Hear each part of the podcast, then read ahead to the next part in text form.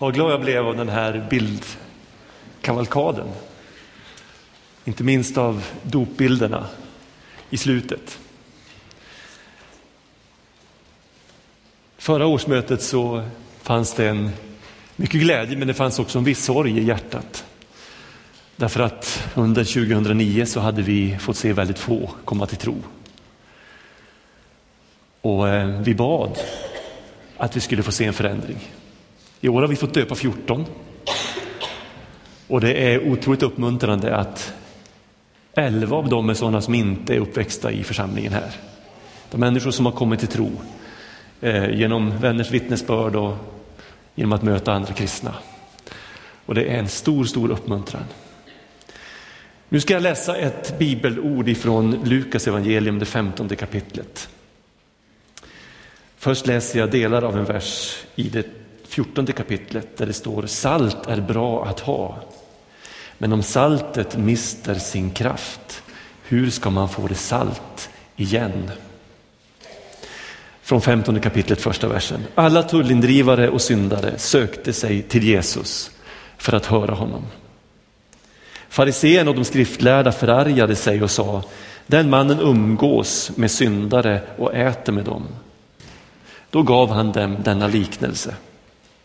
Om någon av er har hundra får och tappar bort ett av dem, lämnar han då inte de 99 i öknen och går och letar efter det borttappade tills han hittar det? Och när han hittar det blir han glad och lägger det över axlarna. Och när han kommer hem samlar han sina vänner och grannar och säger till dem, gläd er med mig, jag har hittat fåret som jag hade förlorat. Jag säger er, på samma sätt blir det större glädje i himlen över en enda människa, en enda syndare som omvänder sig, än över 99 rättfärdiga som inte behöver omvända sig. Och jag älskar den här berättelsen. De här tre berättelserna egentligen i Lukas 15. Berättelsen om det förlorade fåret, det förlorade myntet och den förlorade sonen. En berättelse som är oerhört varm och som ger en sån god eftersmak. Och just en god eftersmak, det är det som jag önskar att varje människa, människa ska få som kommer i kontakt med någon av oss. Eller som kommer i kontakt med vår gemenskap eller med någon av våra verksamheter. En god eftersmak. Ett otroligt viktigt ord egentligen, eftersmak. Jag skulle vilja be, be Maria att du eh, bär upp den här visionsrollappen eh, som vi har låtit göra. Jag ska anknyta till den idag. Jag har gjort det förr och jag kommer att göra det senare. På den står det att vi vill hjälpa människor till livet med Jesus. Nära Gud, nära varandra, nära samhället. Vi vill hjälpa människor till livet med Jesus. En vision är alltid en lösning på ett problem. Och eftersom vi har en sorts inneboende tröghet som gör att vi inte tar tag i saker och ting förrän läget är riktigt problematiskt så handlar det oftast om problem som har blivit så stora och så irriterande och så påträngande att vi inte kan leva med dem längre. Ur sådana problem föds visioner. Därför att man vill se en förändring. Vi ska titta på en biblisk person, Nehemja, som stod inför ett bekymmer som var så påträngande och så stort att han inte längre kunde bära det inom sig. Nehemja han var Eh, munskänk åt Artaxerxes i det persiska riket. Han var en judisk man som i viss mån var förslavad. Han var alltså slav i det landet där han bodde, men han var också tjänare åt Artaxerxes, eh, kungen i Persien. Eh, omkring år 444 före Kristus så får Nehemja uppdraget att bygga upp Jerusalems murar som hade legat i ruiner i över hundra år. Det bodde fullt med människor i Jerusalem som inte orkade bry sig. Som levde med en nerriven mur. Som levde med hus som var fallfärdiga. Men de orkade inte ta tag i situationen. Men Nehemja, långt borta i ett främmande land, men som hade Jerusalem som sin hemstad. Det var där han hade växt upp, det var där han hade eh, eh, lärt känna Gud.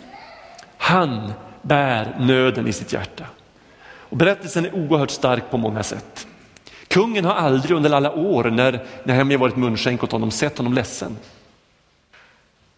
Men nu orkar inte Nehemja bära sin djupa hjärtesorg inom sig längre.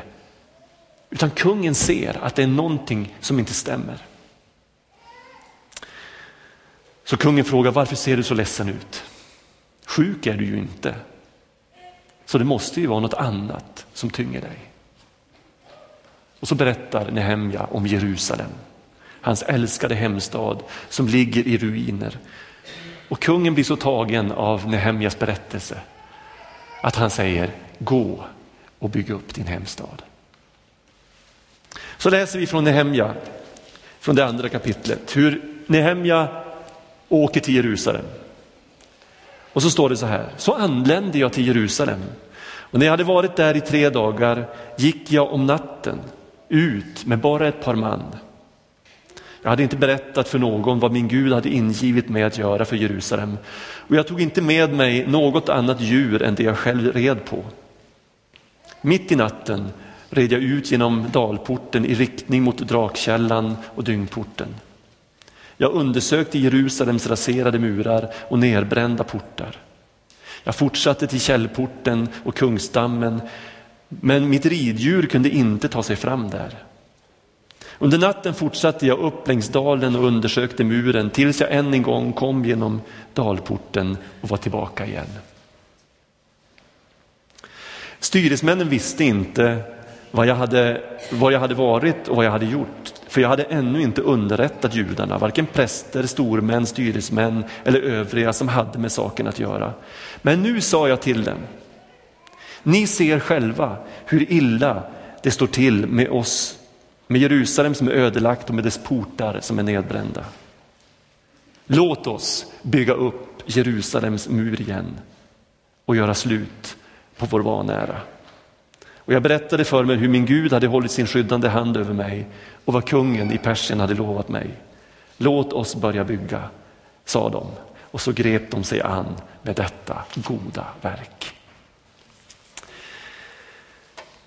Och Det som hände sen, det var det jag berättade i inledningen här, att sida vid sida så börjar man bygga upp Jerusalems murar. Och det går fortare än vad någon hade kunnat drömma om. Och eh, när det står färdigt så är det ett Guds under. Vilket var problemet för Nehemja?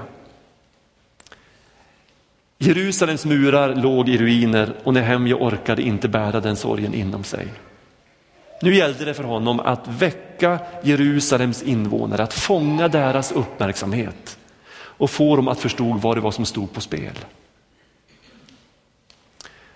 Och jag försöker leva mig in i Nehemjas nattliga ritur. När han liksom slipar förberedelserna. Han vet att så oerhört mycket står på spel. Och han vill vara förberedd. Han vill veta vad han ska säga när han möter eh, eh styrelsemännen för Jerusalem. Och jag känner hans vånda, jag känner hur han ropar till Gud och han ber att få de rätta orden. Han ber att hitta den rätta tonen. För han vill lyckas med sitt uppdrag. Och så möter han stadens ledning och så berättar han om sin sorg och så formulerar han visionen. Låt oss bygga upp Jerusalems mur.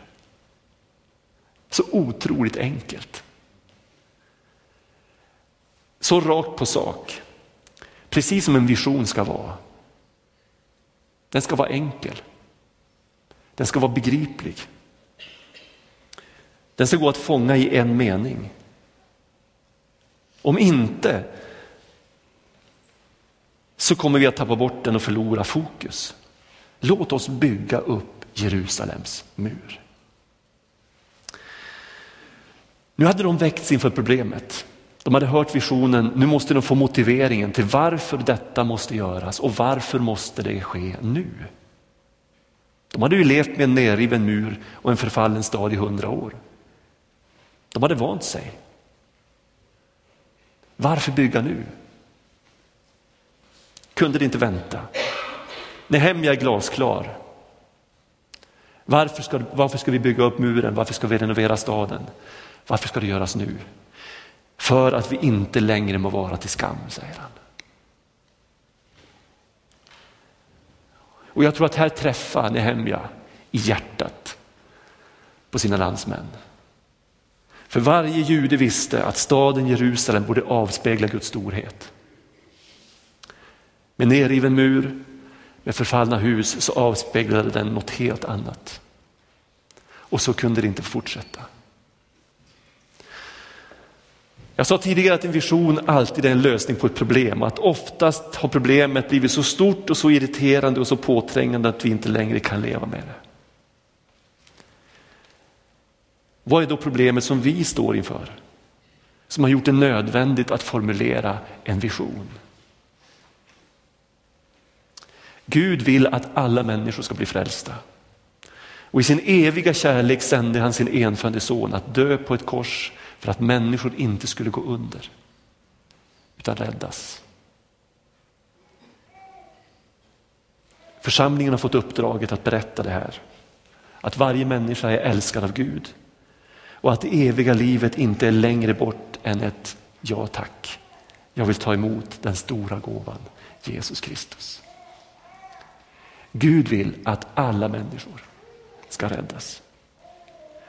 Problemet, om jag nu får återgå till det, det är att församlingen är alldeles för liten och vi växer inte som vi borde göra.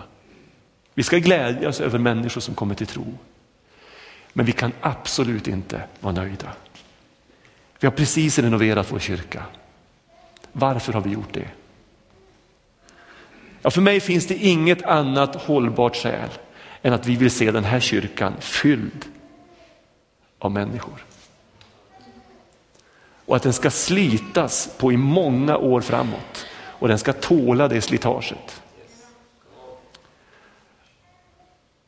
Vi har renoverat den inte i första hand för vår skull, utan för Lidköpings skull.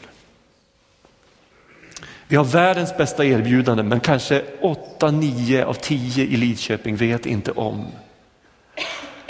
att frälsningen redan är klar.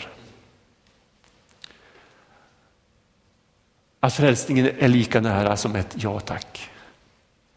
Jag vill ta emot Jesus Kristus i mitt liv, här och nu. Evangeliet är en Guds kraft som räddar alla som tror.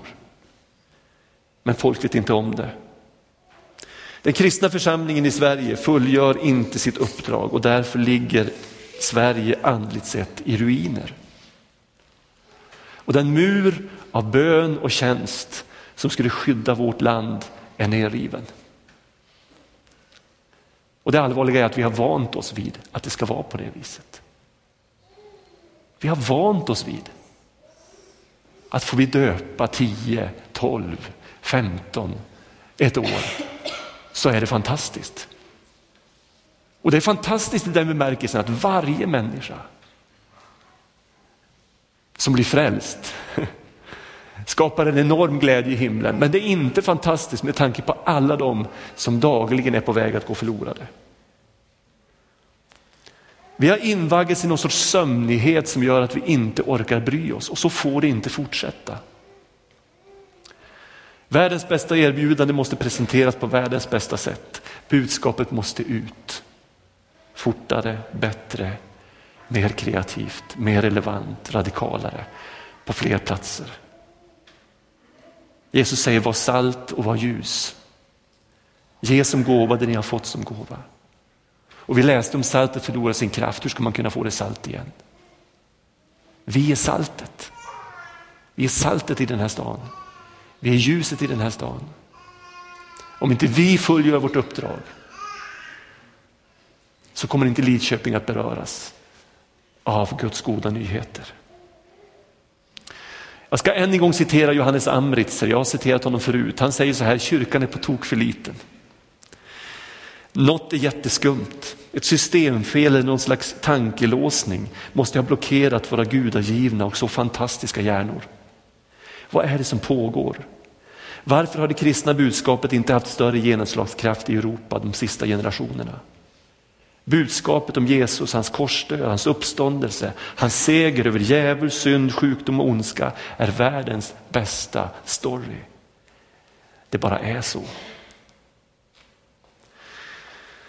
Därför har vi formulerat visionen, vi vill hjälpa människor till livet med Jesus. Och den här visionen ska påminna oss om varför vi finns som församling här i Lidköping. Den ska hjälpa oss att bevara fokus. Och vi har formulerat det så enkelt så att man ska kunna vakna mitt i natten och minnas den här visionen. Kunna upprepa den här visionen. Vi vill hjälpa människor till livet med Jesus. Varför ska vi då göra det? Och varför ska det göras nu? Därför att människor går förlorade utan Gud. I liknelsen om fåraherden som letade förlorade fåret kan vi få hjälp att se klart. Varje människa har ett värde som är ofattbart stort. Ofattbart stort. Varje människa. Vi behöver aktivt leta upp varje människa som är vilsen, som är tilltufsad. Det står om Jesus när han såg människorna så fylldes han av medlidande med dem för de var illa medfarna och hjälplösa som får utan herde. Och vad gjorde han då? Han sände ut sina lärjungar med auktoritet från Gud att gå ut och göra en skillnad. Ge som gåva det ni har fått som gåva, säger han till dem. Och så skickar han ut dem. Och så skickar han ut oss. Med auktoritet från Gud. Ge som gåva det ni har fått som gåva. För några söndagar sedan så läste jag en berättelse som Elisabeth Madsen, som tidigare tillhörde den här församlingen och arbetade i den här församlingen, hade skickat. Det handlar om Thomas som kom till deras alfakurs i Göteborg, som nyligen hade kommit till tro och som berättar om hur han kom till tro. Och så här berättar han. På sin arbetsplats så hade Thomas två kristna arbetskamrater och han hade haft en respekt för dem och för deras tro. Och han beskriver också hur han under en tid grät mycket inombords i sitt hjärta och längtade efter något. I samma period var han mycket nära att mista livet på grund av en hjärtattack. Det fick honom att inse allvaret i sin situation. Läkaren på sjukhuset såg igenom honom och frågade, hur mår du? Har du alkoholproblem? Det blev ett uppvaknande för Thomas och i sin ensamhet fortsatte han att gråta mycket och i sin nöd bad han till någon, hjälp mig. På jobbet frågade en av hans troende arbetskamrater hur han hade det och han, och han berättade att han trodde på Gud. Det samtalet ledde till att Thomas fick en bibel av sin arbetskamrat och lovade jag ska ge den här bibeln ett sommarlov. Och så började Thomas läsa bibeln hemma. Och när han läste kände han i sitt hjärta att det hände saker. Han påverkades av texterna, han blev varm inombords. Den är någon som han tidigare hade bett till blev nu mer tydlig. Och senare bjöd hans arbetskamrat med honom på en konferens i sin kyrka och där fick Thomas i en förbönstund överlåta sitt liv i Jesu händer. Och på den vägen är det. Nu går han på en alfakurs för att lägga grunden för att växa vidare i sin tro. Vi behöver läsa många sådana här berättelser för att uppmuntra varandra att det är inte är omöjligt. Människor som du och jag, vanliga människor som du och jag har runt omkring oss, går och längtar efter Gud. Gråter i sin ensamhet. Längtar efter frid. Söker efter svar. Och de är inte så långt bort ifrån Gud som vi kan tro. Men någon måste berätta för dem. Någon måste fråga dem. Någon måste erbjuda sin hjälp. Någon måste ge dem sitt leende och berätta sin livshistoria. Berätta vad Gud har gjort. Och jag vill dra det här ett steg till. Att en människa blir vunnen för Gud innebär som regel att fler människor blir vunna för Gud. Och det kan leda till att många människor blir vunna för Gud. I Alfa påminner vi oss varje termin om Albert McMakin. En ung grabb som blir frälst någonstans i USA. Och han börjar brinna för Jesus och han börjar längta efter att få med sig sina kompisar. Och det är en konferens en bit ifrån staden där han bor och han lånar en lastbil och så skjutsar han dem på flaket och så kör han dem till konferensen. Den ena efter den andra. Men en man går han bet på, en ung man som eh, har helt andra intressen i livet än att gå på väckelsemöte. Men till slut så lyckas han övertala honom genom att låta honom köra lastbilen. Så får honom med på, kom på konferensen, på kampanjen. Och den här unge mannen blir omedelbart så tagen av det han hör. Så frivilligt återvänder han, möte efter möte och det slutar med att han tar emot Jesus. Vet ni vem Albert McMakin var? Nej. Vet ni vem mannen var som blev frälst? Det var Billy Graham. Hur många har kommit till tro genom att Billy Graham blev frälst? Hundratusentals människor. När du leder en människa till tro så får det konsekvenser för så många andra. Och så blir det en, en kedjereaktion. Och det är när den där kedjereaktionen stannar av, när vi inte längre vinner människor för Gud, som församlingen börjar minska och förlora inflytande i byar, städer och samhällen. Och därför är det så otroligt viktigt att människor hela tiden kommer till tro. Och det är det jag skulle önska att du och jag arbetade för. Och nu vill jag sluta min predikan med att uppmana dig att göra den här visionen som vi har som församling till din personliga vision. Att du säger till dig själv, jag vill hjälpa en människa som ännu inte tror till livet med Jesus och jag vill börja nu.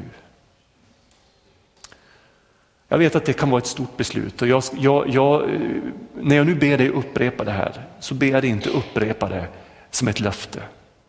Utan jag ber dig att upprepa det du säger för att känna på orden.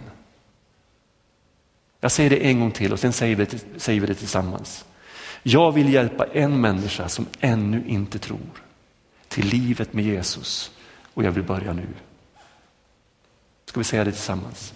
Jag vill hjälpa en människa som ännu inte tror till livet med Jesus och jag vill börja nu.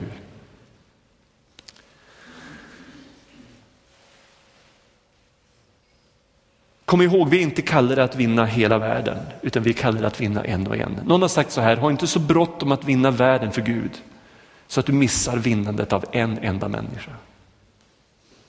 Om vi, om vi greppar över för stora utmaningar så blir det bara prat. Och därför måste vi bryta ner den här visionen till att bli en personlig vision. Där jag, där du bestämmer oss för, jag vill leda en människa till livet med Jesus och jag vill börja nu. Jag önskar att varje medlem i Pingsförsamlingen i Lidköping skulle tändas för den här visionen. Att vi, var och en, från och med nu skulle börja leva i den visionen. Jag vet att många av er redan gör det. Flera av er arbetar målmedvetet för att människor runt omkring ska lära känna Jesus. Men jag tror att vi kan få ett ännu tydligare fokus. Och Jag brukar ofta säga det till människor runt omkring mig. Det är bara när jag har människor i min närhet som jag vet är på väg in i Guds rike som jag upplever den där verkliga glädjen i min tjänst. Finns inte de människorna där som jag vet är på väg in i Guds rike så känns det ganska tungt och ganska jobbigt. Så jag är lite beroende av att ha de här människorna i min närhet som utmanar mig och som jag vet ännu inte är troende men är på väg.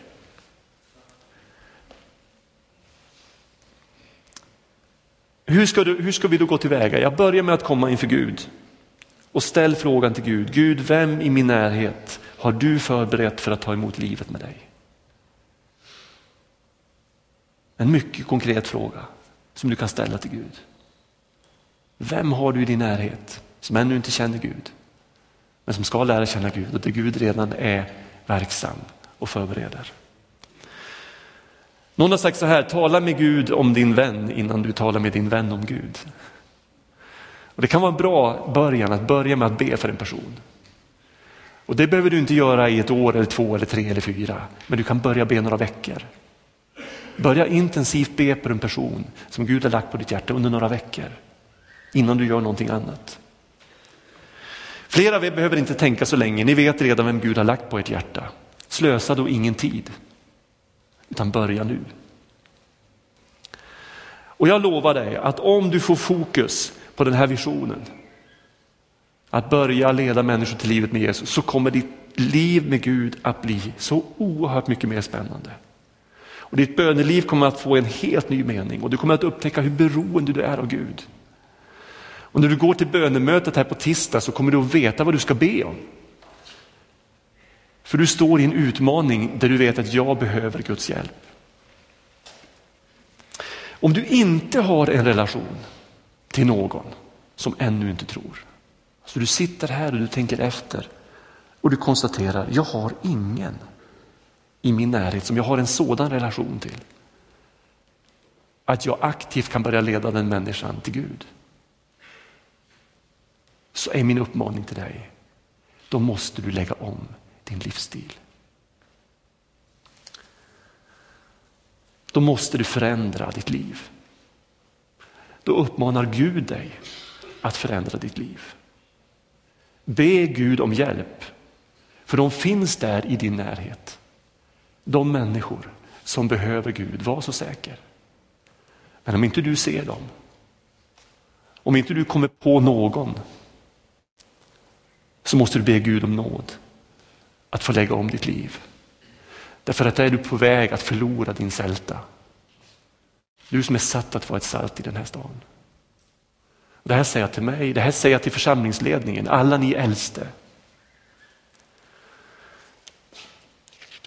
Det håller inte att vi håller på och pratar om att vi måste be mer, vi måste göra mer, om vi inte själva lever i ett aktivt arbete för att leda människor till tro. Det här säger jag till oss i teamet, mina medarbetare. Och jag säger det till alla generationer, till unga, till medelålders och äldre.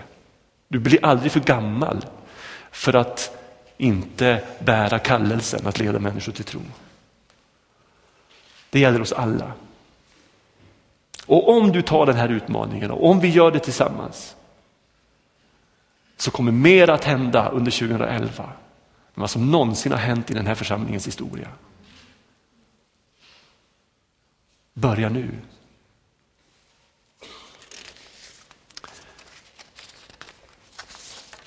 Börja med att dagligen välsigna den person du vill vinna. Be i tro, måla en trons bild i ditt inre. Det är ingen omöjlighet att människor kan bli frälsta. Visa att du är intresserad av honom eller henne, att han eller hon är viktig för dig. Be Gud att få upptäcka behov som den här personen har och fyll dem i kärlek. Och var uppmärksam på frågor och tillfällen att berätta vad Gud betyder för dig. Ta varje tillfälle att ge som gåva det du har fått som gåva. Dela ditt beslut med andra troende som du har i din närhet. Berätta att jag har fått den här personen på mitt hjärta. Hjälp mig att be för den personen. Involvera andra i den person som du har fått på ditt hjärta.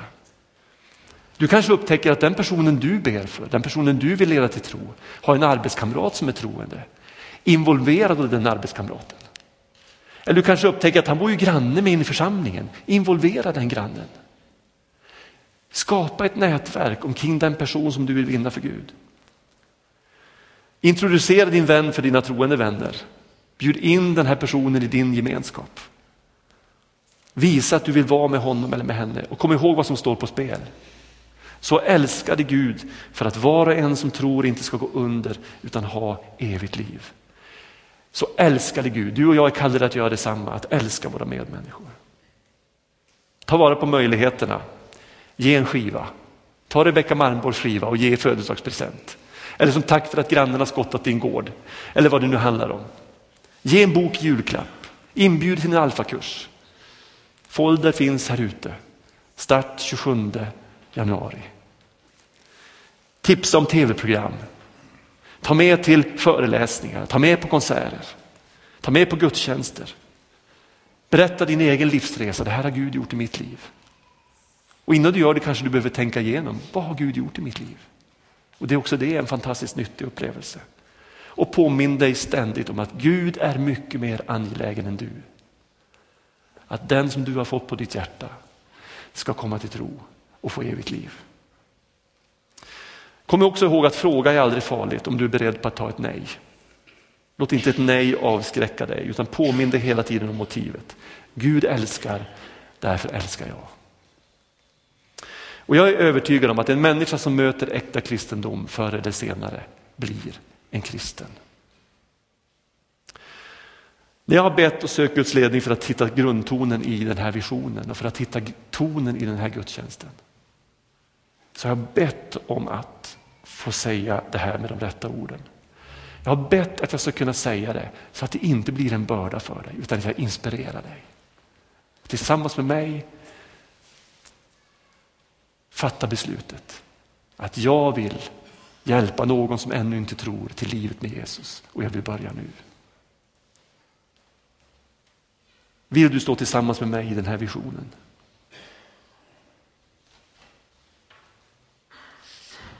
Har jag med Guds hjälp lyckats? Jag hoppas det.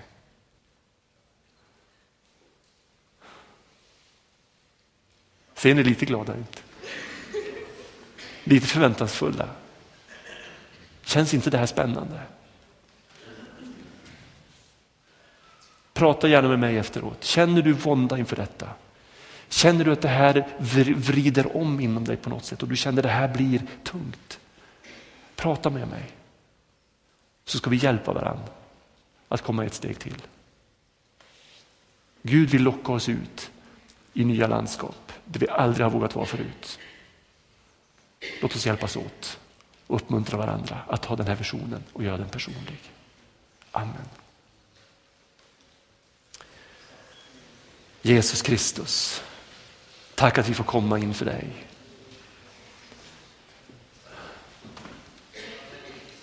Du som har älskat oss fram till Gud. Du som har älskat oss fram till evigt liv. Du som har ingjutit din kärlek i våra hjärtan. Tack att vi får lägga det här som vi har pratat om nu i dina händer. Du vill hjälpa oss att förverkliga det för att Lidköping ska räddas för ditt rike. Tack att du hör min bön. Amen.